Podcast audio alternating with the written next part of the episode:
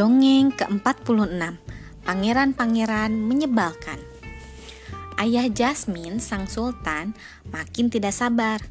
Putriku tersayang, ia memohon. Hukum menyatakan kau harus menikah sebelum ulang tahunmu yang ke-16 dan itu tidak lama lagi.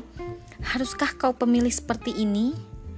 Banyak pangeran yang pasti ingin menikah denganmu. Jasmine menghela nafas. Sejauh ini mereka semua begitu sombong, katanya. Tapi aku janji akan berusaha, Ayah.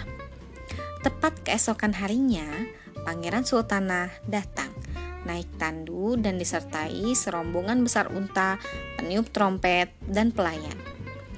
Ia membungkuk dalam-dalam di hadapan Jasmine. Aku tahu kau akan senang mendengar bahwa aku telah memilihmu sebagai mempelaiku.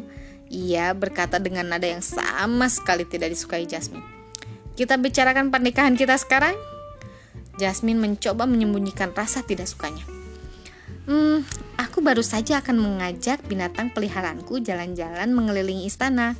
Kau tahu, dia perlu olahraga. Bagaimana kalau kita bicara sambil membawanya jalan-jalan?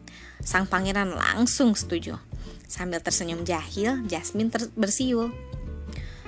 Dari dalam istana, melompatlah harimau peliharaannya, Raja.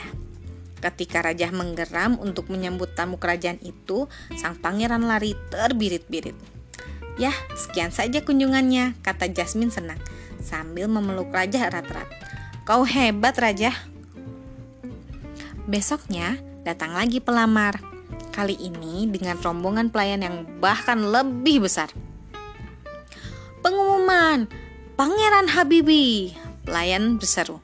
Ketika rombongan tiba, Jasmine mengintip dari jendela kamar dan berteriak ke bawah. Hai, maaf, aku tidak bisa turun.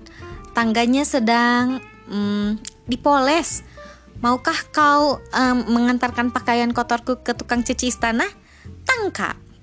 Pangeran Habibi berdiri di bawah menara, tangannya terulur. Buk! Keranjang cucian besar menimpanya. Aduh! Ia berteriak dan langsung kabur.